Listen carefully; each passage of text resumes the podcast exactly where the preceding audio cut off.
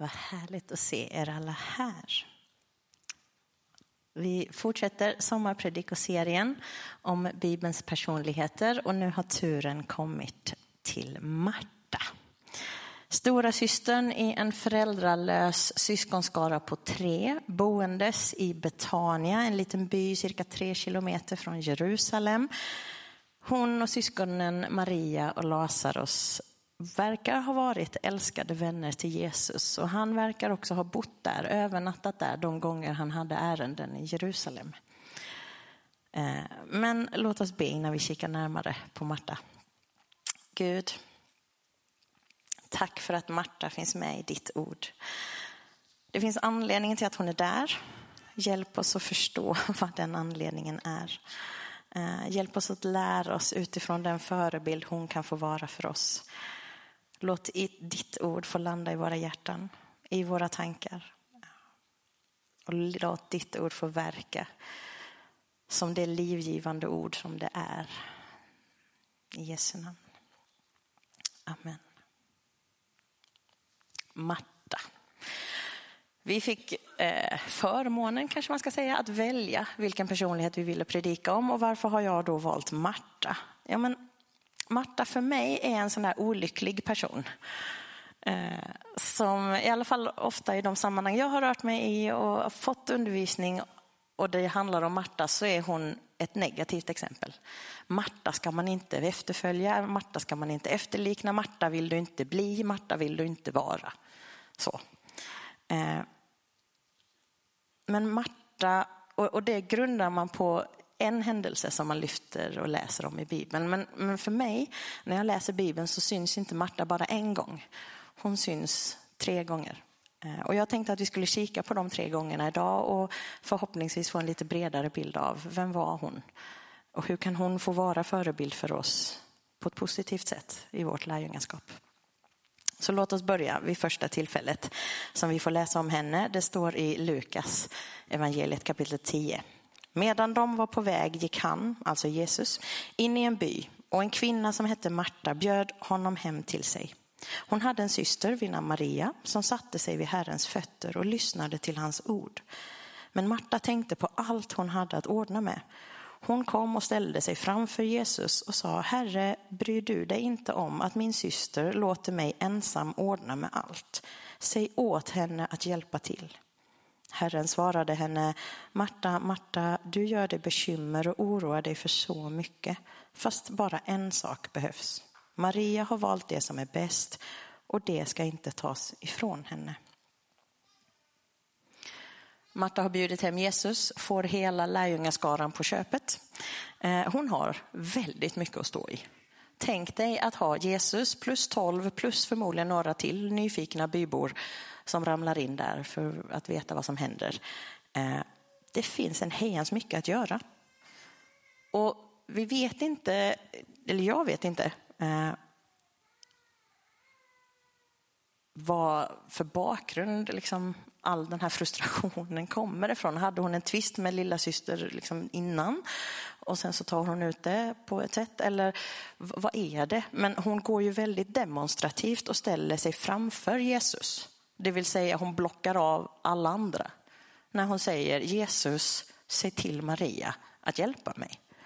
Eh, hon vill ha hjälp av Jesus att fixa det där. Och Jesus är hans svar. Jag vet inte om hans ton är strängt tillrättavisande. Marta. Eller om det är liksom ömt, kärleksfullt. Jag får inte till den tonen nu och inte i högläsningen heller. Men det står att han svarade henne i alla fall. Marta har dragit på sig alldeles för många saker. Egentligen är det bara en sak som behövs just nu. Maria har valt det, låt henne få ha det. Att sitta och lyssna på Jesu undervisning. Och take away de gånger jag har fått höra det här är ett, var som Maria, prioritera Jesus. Två, bli inte som Marta. Bli inte så fruktansvärt upptagen så att du glömmer Jesus. Och att du väljer bort honom. Men jag tänker att det finns så mycket mer att lära sig om och av Marta från den här texten. Marta är en otroligt driftig person. Hon har initiativförmåga. Hon bjuder hem Jesus. Eh, hon har ett stort fokus på att betjäna, att vara en god värd, att skapa liksom förutsättning för att folk som är inbjudna till hennes hem ska få trivas, få kunna vara där.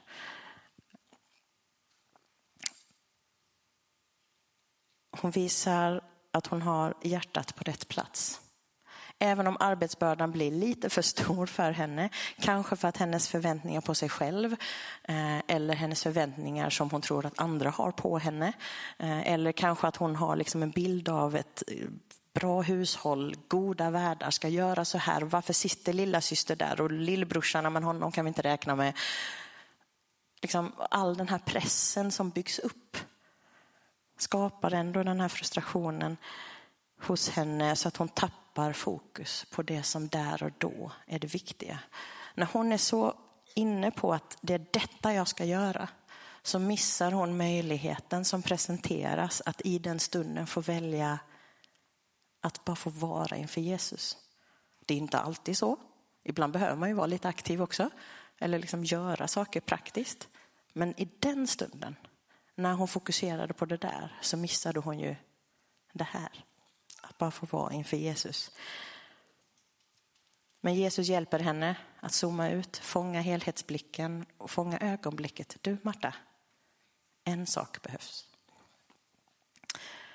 Eh, när jag läste igenom den här texten så slog det mig att nu senast jag var hemma hos mina föräldrar med barnen några dagar så hade vi lite typ en sån här incident. Min mamma är superdriftig. Om vissa i församlingen tycker att jag är driftig, då är min mamma ett par gånger eh, mer än det. Eh, hon har ett enormt stort tjänarhjärta.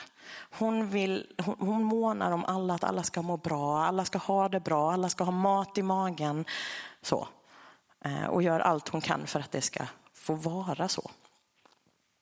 Eh, och när då dotter och barnbarn kommer hem och hälsar på några dagar, då ska de minsann få god, ordentlig kinesisk mat. Så. Eh, det tar sin lilla tid att göra ordentligt god kinesisk mat.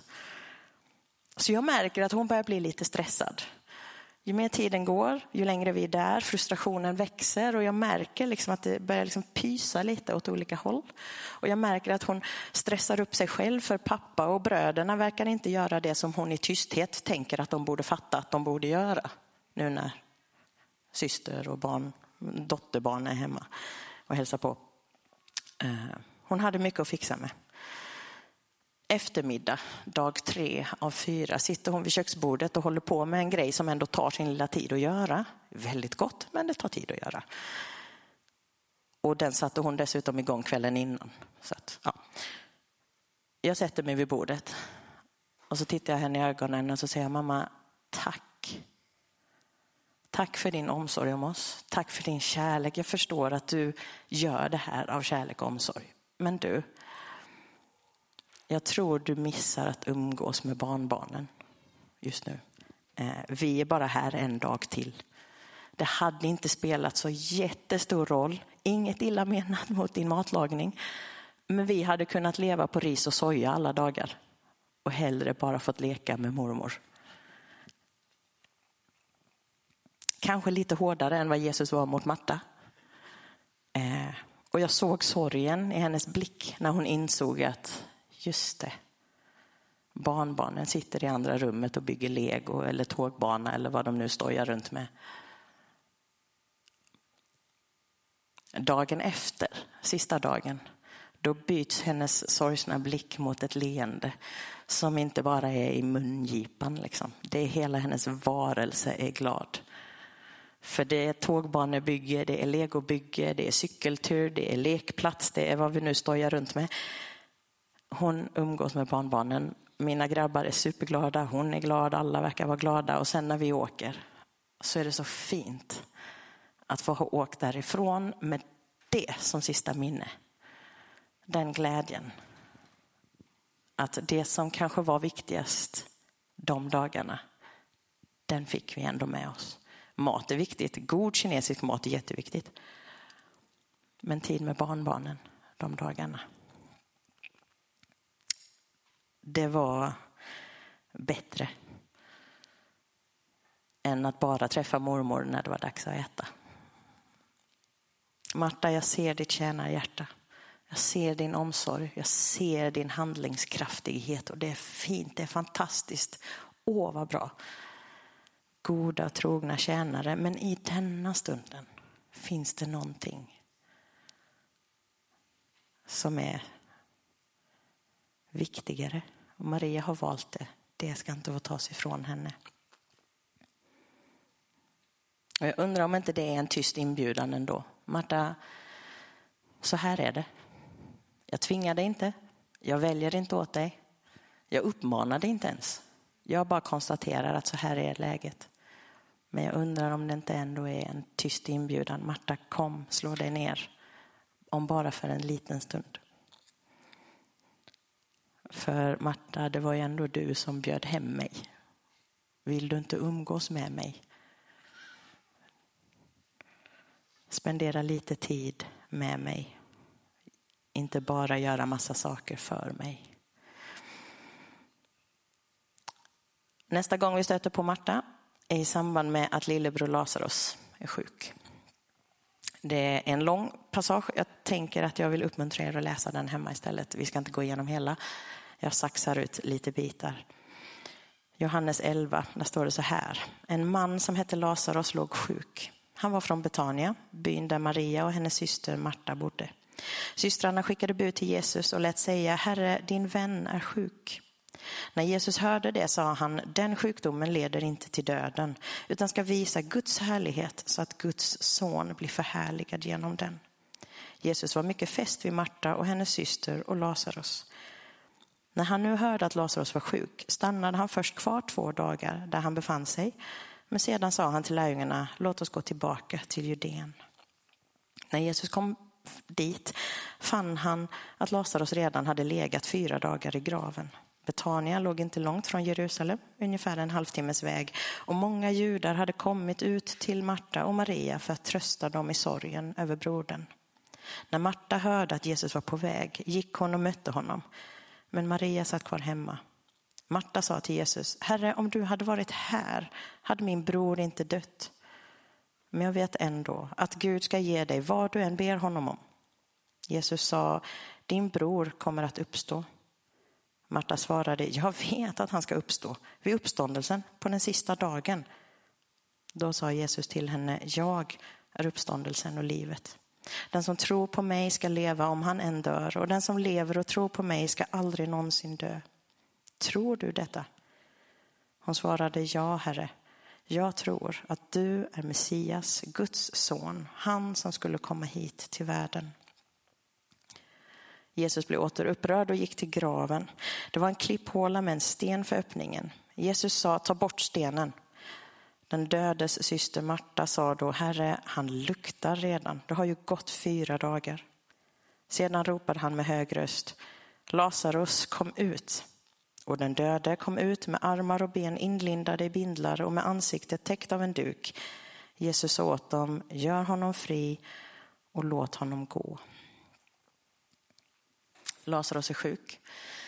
Systrarna vet inte vad de ska göra. De skickar bud till Jesus. Han borde kunna lösa det, eller åtminstone informerar vi honom om att läget är vad det är.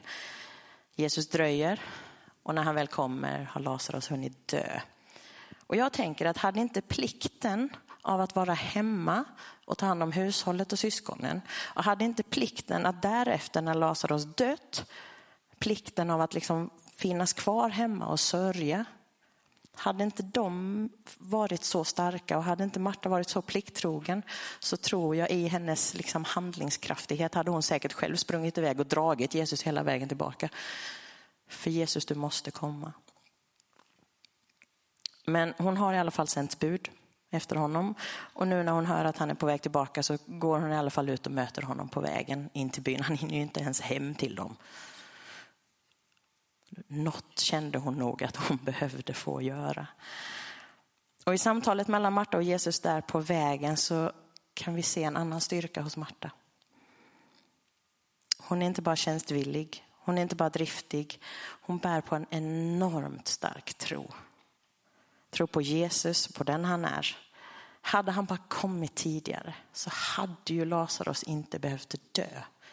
Okej, nu har han dött, men du, be till Gud, för Gud lyssnar på dina böner. Gud svarar på dina böner oavsett vad du ber om. Hon tror fullt och fast på det. Och Marta bär också på ett hopp som är förankrat där framme i framtiden, i evigheten. På andra sidan döden, ett uppståndelsens hopp. Där livet segrar över döden på den sista dagen. När Jesus påpekar att det är han som är uppståndelsen och livet så är det liksom som att han drar in det där hoppet och lägger det framför Marta. Du, jag är uppståndelsen och livet. Tror du på detta? Du tror att din bror kommer uppstå, jättebra. Tror du på att det kan hända här och nu? För jag är uppståndelsen och livet. Jag har makt, inte bara efter döden, jag har makt över döden. Tror du på det? Och då uttrycker Marta en av de starkaste trosbekännelserna som finns i Bibeln.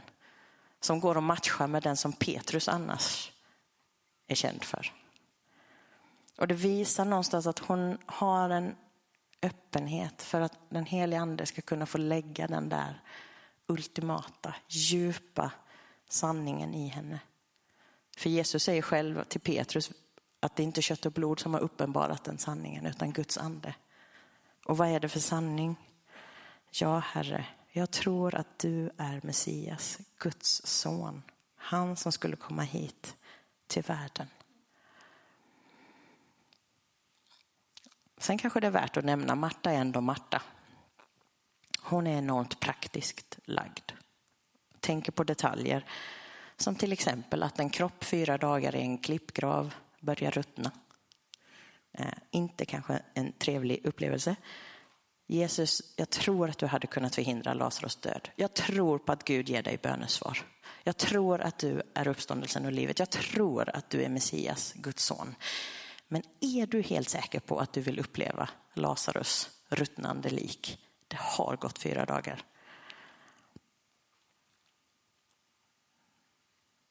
Men hon får vara med om det mirakel som hon nog ändå djupast sett längtat efter och tror på. Gud svarar på Jesu bön. Lazarus får livet tillbaka. Sista gången vi stöter på Marta. Den centrala händelsen här är att Maria smörjer Jesu fötter. Marta omnämns egentligen bara i början och lite i förbifarten, så vi får se om ni snappar upp henne. Johannes kapitel 12. Sex dagar före påsken kom Jesus till Betania där Lazarus bodde. Han som Jesus hade uppväckt från de döda. Man ordnade där en måltid för honom. Marta passade upp och Lazarus var en av dem som låg till bords med honom. Maria tog då en hel flaska dyrbar äkta nardusbalsam och smorde Jesu fötter och torkade dem sedan med sitt hår. Och huset fylldes av doften från denna balsam. Men Judas Iskariot, en av lärjungarna, den som skulle förråda honom, sa varför sålde man inte oljan för 300 denarer och gav till de fattiga? Detta sa han inte för att han brydde sig om de fattiga utan för att han var en tjuv. Han hade hand om kassan och tog av det som lades dit. Men Jesus sa, låt henne vara. Hon har sparat sin balsam till min begravningsdag. De fattiga har ni alltid bland er, men mig har ni inte alltid. Än en gång en väldigt driftig Marta i full action. Denna gången passar hon upp. Hon serverar betjänar vid en måltid som de har ordnat för Jesus. Och läser man de andra evangelierna så kan man liksom dra någon form av slutsats att den här måltiden var en festmåltid. Man skulle ära, tacka Jesus för de mirakel som hade skett i Betania. En död Lazarus uppväckt till döden. En spetälske Simon som nu är frisk. Och nu är man hemma hos Simon, nu har man fest för Jesus. Och Marta som inte ens bor i det där huset är där och passar upp och är värdinna och serverar och betjänar. Ingen antydan till frustration från köket. Ingen antydan till att avbryta det som för stunden pågår. Ingen antydan till anklagelse över hur lilla syster beter sig. Judas tog den delen. Ingen antydan till att be Jesus säga till folk hur de borde vara och göra. Marta bara betjänar. så pass mycket i det fördolda att man ju knappt märker av henne i förbifarten. Det står ju bara Marta passar upp och sen så läser man ju vidare. Var det då ens värt att nämna det? Var det för att någonstans visa att men alla tre syskonen är med på festen? Eller var det för att någonstans signalera väldigt kort och koncist någonting har hänt med Marta i den hon är och i hur hon då agerar. Hur hon har utvecklats som person. Marta är ändå Marta, precis som vi alltid kommer vara vi med de personlighetsdrag vi har och som över tid varierar lite i uttryck i livets olika faser. Hennes driftighet och tjänstvillighet finns ju redan med från början och hela vägen framåt. Hennes sinne för detaljer och uppmärksamheten på det, det praktiska följer med henne oavsett hur hon bekänner sin tro. Sin starka tro. Men någonstans så tänker jag att Marta passar upp. Och sen inget mer. Signalerar att hon har landat i vem hon är, vad hon är bra på, vad hon kan göra i Guds rike. Och hon är nöjd. Ingen konkurrens från någon annan, inget behov av att påpeka hur andra funkar och borde funka. Det här är mina gåvor. Det här är mitt personlighetsdrag. Det är så här jag visar kärlek till min Herre Jesus Kristus. Maria, hon kan sitta vid Jesu fötter. Hon kan hälla ut en årslön en årslöns värde av balsam på Jesu fötter, torkade med sitt hår. Det är hennes sätt att tillbe, visa kärlek, visa hängivenhet till Jesus. Lärjungarna, de lämnar allt, följer Jesus, gör som han säger, lyssnar på honom. Det är deras sätt att tillbe och visa kärlek till Jesus. Marta då? Hon uttrycker sin kärlek genom att betjäna i det fördolda. Att finnas där, servera, passa upp, vara värd. Hon bjuder hem. Och hon ger möjlighet för Jesus att finnas där. Hon ger möjlighet för Jesus att verka bland andra människor. Hon ger möjlighet för Jesus att möta andra människor.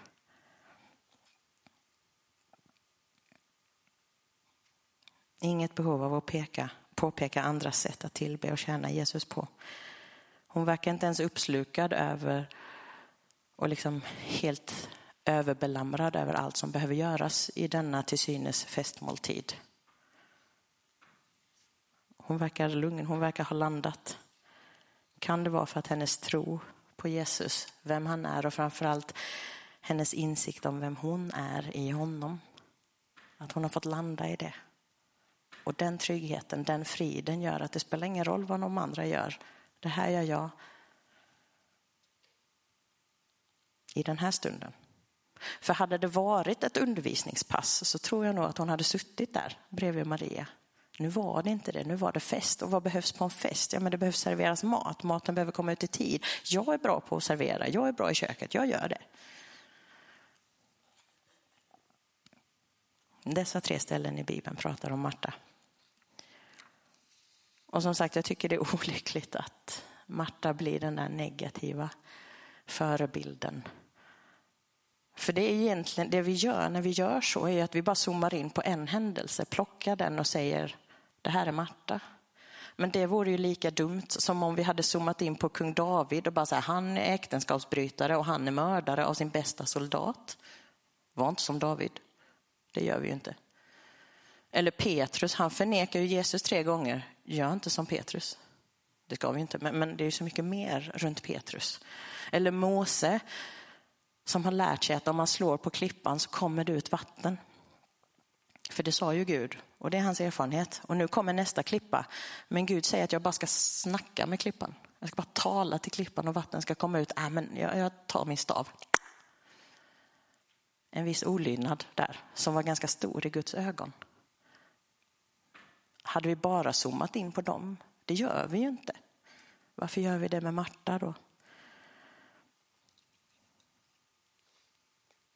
Jag tänker att när man tittar på de här tre texterna som vi har gått igenom så ser man att det finns en karaktärsutveckling.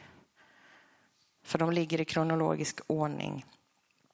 Är det inte det lärjungaskapet handlar om? Att få utvecklas som person i sin karaktär. Vi börjar med att bjuda in Jesus. Bjuda hem Jesus till oss. Längs med vägen, i vår vilja att tjäna honom, finnas där för honom, så kan vi ju emellanåt, jag i alla fall, glömma bort honom. Eh, särskilt i samband med lägerplaneringar så har jag ofta sagt att jag brukar tappa bort Gud i mina Excel-listor. Men Gud är nådefull, Jesus är nådefull och god. Han påminner oss. Du, jag är här. Sätt dig här. Han öppnar upp och ger oss möjlighet att välja tid med honom. Emellanåt så händer det ju saker och vi vänder oss till honom. Och ibland så kanske det är en sån stor nöd att det blir som att vi måste springa till honom. Någonstans tror jag att vi bär på en tro. Att han är Messias, Guds son. Uppståndelsen och livet. Han som skulle komma. Han om någon har och är en direktlänk till Gud. Han om någon är ju Gud. Det finns ett hopp för framtiden. Det finns ett hopp i framtiden. Det finns ett hopp här och nu. För att han är den han säger att han är. Uppståndelsen och livet. Och om han är allt det där och ännu mer och han ser mig och han älskar mig och han ger mig plats.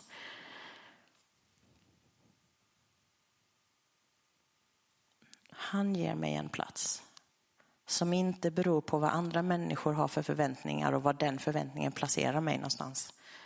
Han har en plats för mig. Tänk dig att få landa i den platsen. Och veta att det är precis här jag ska vara. Även om det bara är denna stunden, men det är här jag ska vara. Då blir jag till välsignelse för folk runt omkring mig. Då kommer jag få uppleva den välsignelse det är. Att få leva så som Gud har skapat mig till att leva. Det kan få bli min gudstjänst. Det finns något vackert och lärorikt i att Marta finns med i Bibeln och att hon får plats där.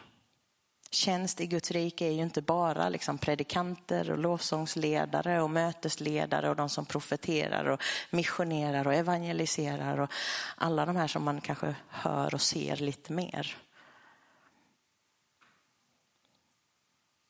Att öppna upp sitt hem, stå och betjäna i ett kanske oansenligt kök är också en form av gudstjänst där Marta kan få vara en av de större förebilderna för oss.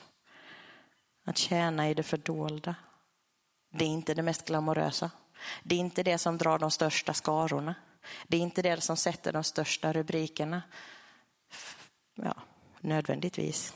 Men det är ändå en form av gudstjänst som kan ära Gud. Så får jag landa lite. Jag vet inte vilket tilltal du kan tänkas ha fått i predikan, kanske redan under lovsången, under bönen.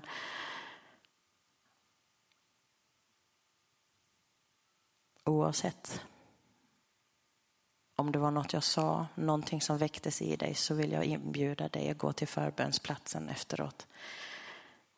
Som en respons. För jag tror att Gud väcker den tanken. Jag tror att Gud knackar lite på din uppmärksamhet för att han vill lyfta upp, du, det här vill jag att du tittar lite närmare på. Om bara för den här stunden. Jag vill att du tar tag i det här, bara för den här stunden. Då är du välkommen till förbönsplatsen för vi vill jättegärna be för dig. Hjälpa till att lyfta dig i bön till Gud som hör våra böner, som svarar, som ser, som älskar oss.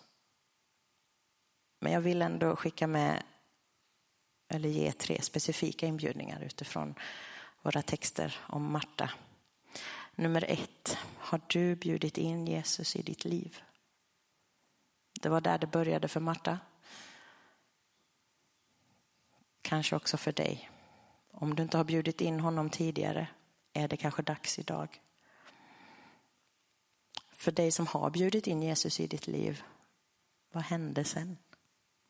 Vad gjorde du av den inbjudan? Nu när Jesus är hos dig. Nummer två, vem tror du att Jesus är och hur uttrycker du det? Marta kallar på Jesus, springer för att möta upp honom eller går. Jag vet inte, hon, hon möter upp honom. Förvisso i en krissituation. Men vi kan ju vända oss till Jesus oavsett om det är krissituation eller inte. Hon uttrycker en tro, sätter sitt hopp till honom. Du är Messias, Guds son. Denna djupa andliga sanning. Och att han sen är uppståndelsen och livet, det får hon ju väldigt konkret bevis på när lillebrorsan trampar ut ur graven. Vem tror du att Jesus är och hur uttrycker du det? Nummer tre, om du har bjudit in Jesus i ditt liv och du har en bild av vem han är. Har du då också en bild av vem du är i honom? Har du landat i vem du verkligen är?